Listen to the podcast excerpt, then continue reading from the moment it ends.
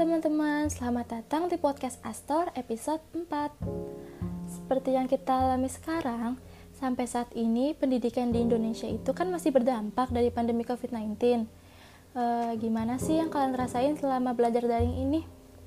Mungkin dari kalian ada nggak yang udah terbiasa dengan keadaan kayak gini? Atau kalian udah seneng belajar daring?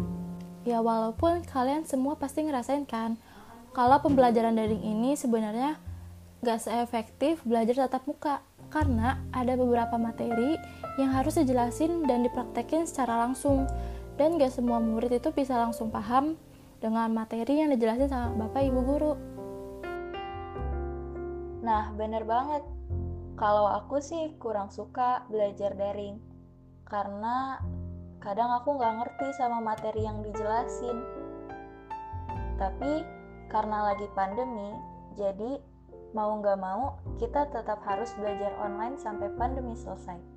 Jadi, kita bakal kasih 5 tips belajar daring di masa pandemi.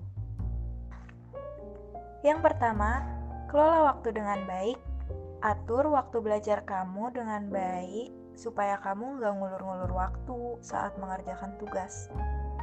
Biasakan fokus dan mengerjakan tugas di awal waktu. Tips yang kedua, itu cari deh tempat yang bikin kalian tuh nyaman. Kayak salah satunya kunci agar kayak kamu tuh tuh bakalan jadi fokus. Ka kalian semua bisa cari tempat seperti sudut rumah atau juga mendekor area meja belajar. Tips yang ketiga, project based learning, yaitu membentuk kelompok-kelompok kecil dengan teman sekelas kalian, sehingga saat belajar, guru bisa memberikan tugas kelompok dengan murid agar sistem belajar lebih efektif karena bisa saling berdiskusi dalam project learning tersebut. Tips yang keempat, siapkan perangkat yang kamu butuhkan untuk belajar online, seperti handphone, laptop, komputer, dan yang pastinya kamu juga butuh kuota untuk mengakses pembelajaran daring dengan baik. Nah, teman-teman, Tips yang terakhir itu adalah komunikasi dengan guru dan teman sebangku kalian. Meskipun kalian semua belajar dari sistem jarak jauh, bukan berarti kalian dapat menunda tugas. Maka, jangan lupakan komunikasi.